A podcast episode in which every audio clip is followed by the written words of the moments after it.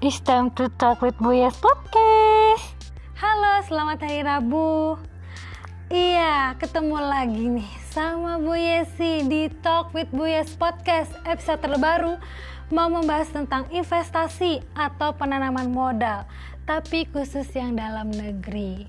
Ini masih ada kaitannya sama yang kita bahas minggu yang lalu ya di episode yang lalu buat kalian-kalian nih ya yang berminat untuk berinvestasi atau menanam modal di dalam negeri, materi ini akan menginfokan kepada kalian semua mengenai faktor-faktor yang mempengaruhi keberhasilan penanaman modal dalam negeri dan syarat-syarat melakukan penanaman modal di dalam negeri.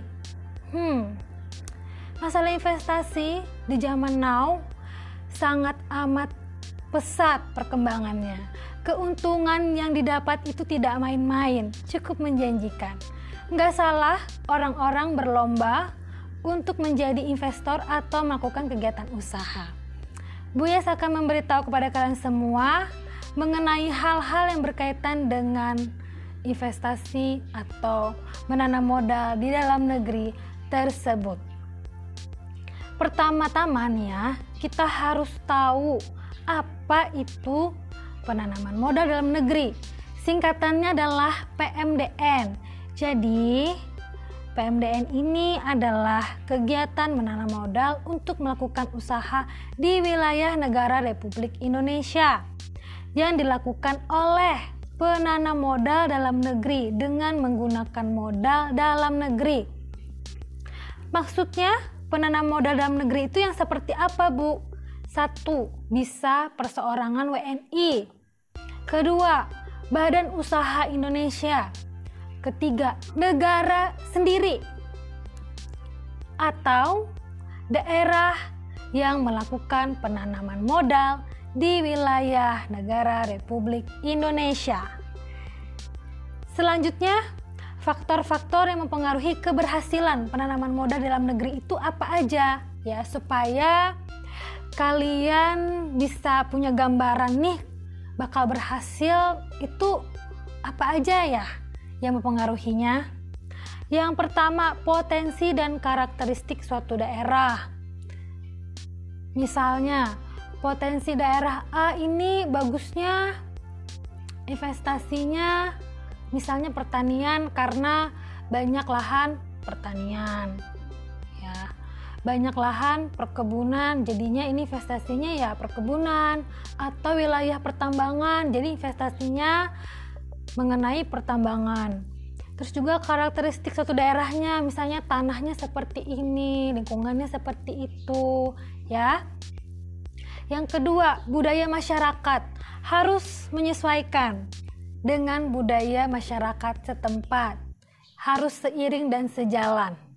Yang ketiga pemanfaatan era otonomi daerah secara proporsional harus seimbang.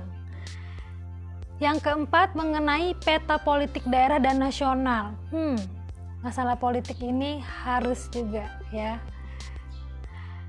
Dan yang terakhir adalah soal kecermatan pemerintah daerah setempat untuk menentukan kebijakan lokal dan juga peraturan daerahnya yang tentu harus menciptakan iklim yang kondusif bagi dunia investasi.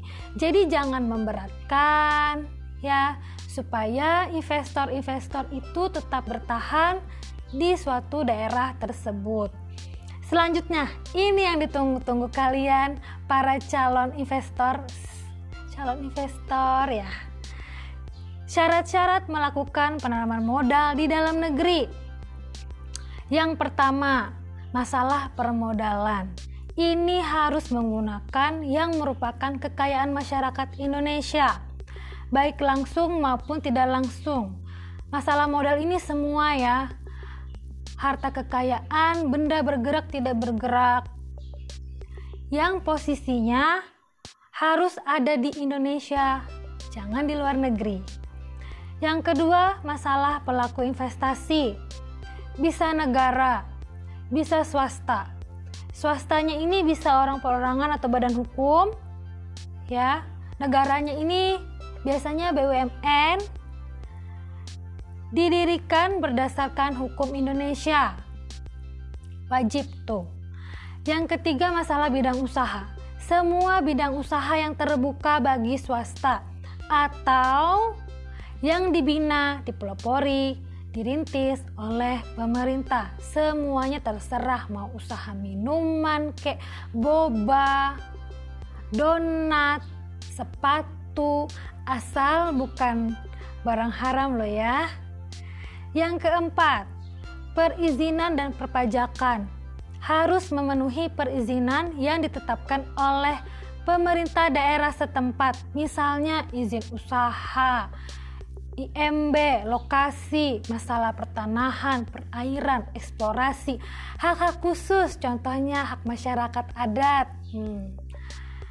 Dan yang gak kalah penting adalah masalah menjaga lingkungan hidup.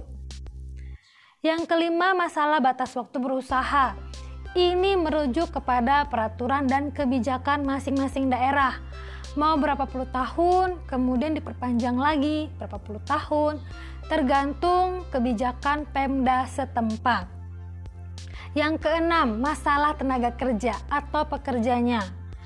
Wajib menggunakan tenaga ahli bangsa Indonesia, kecuali nih kecuali ya, di garis bawahin ya, kecualinya kecuali apabila jabatan-jabatan tertentu belum dapat diisi dengan tenaga bangsa Indonesia.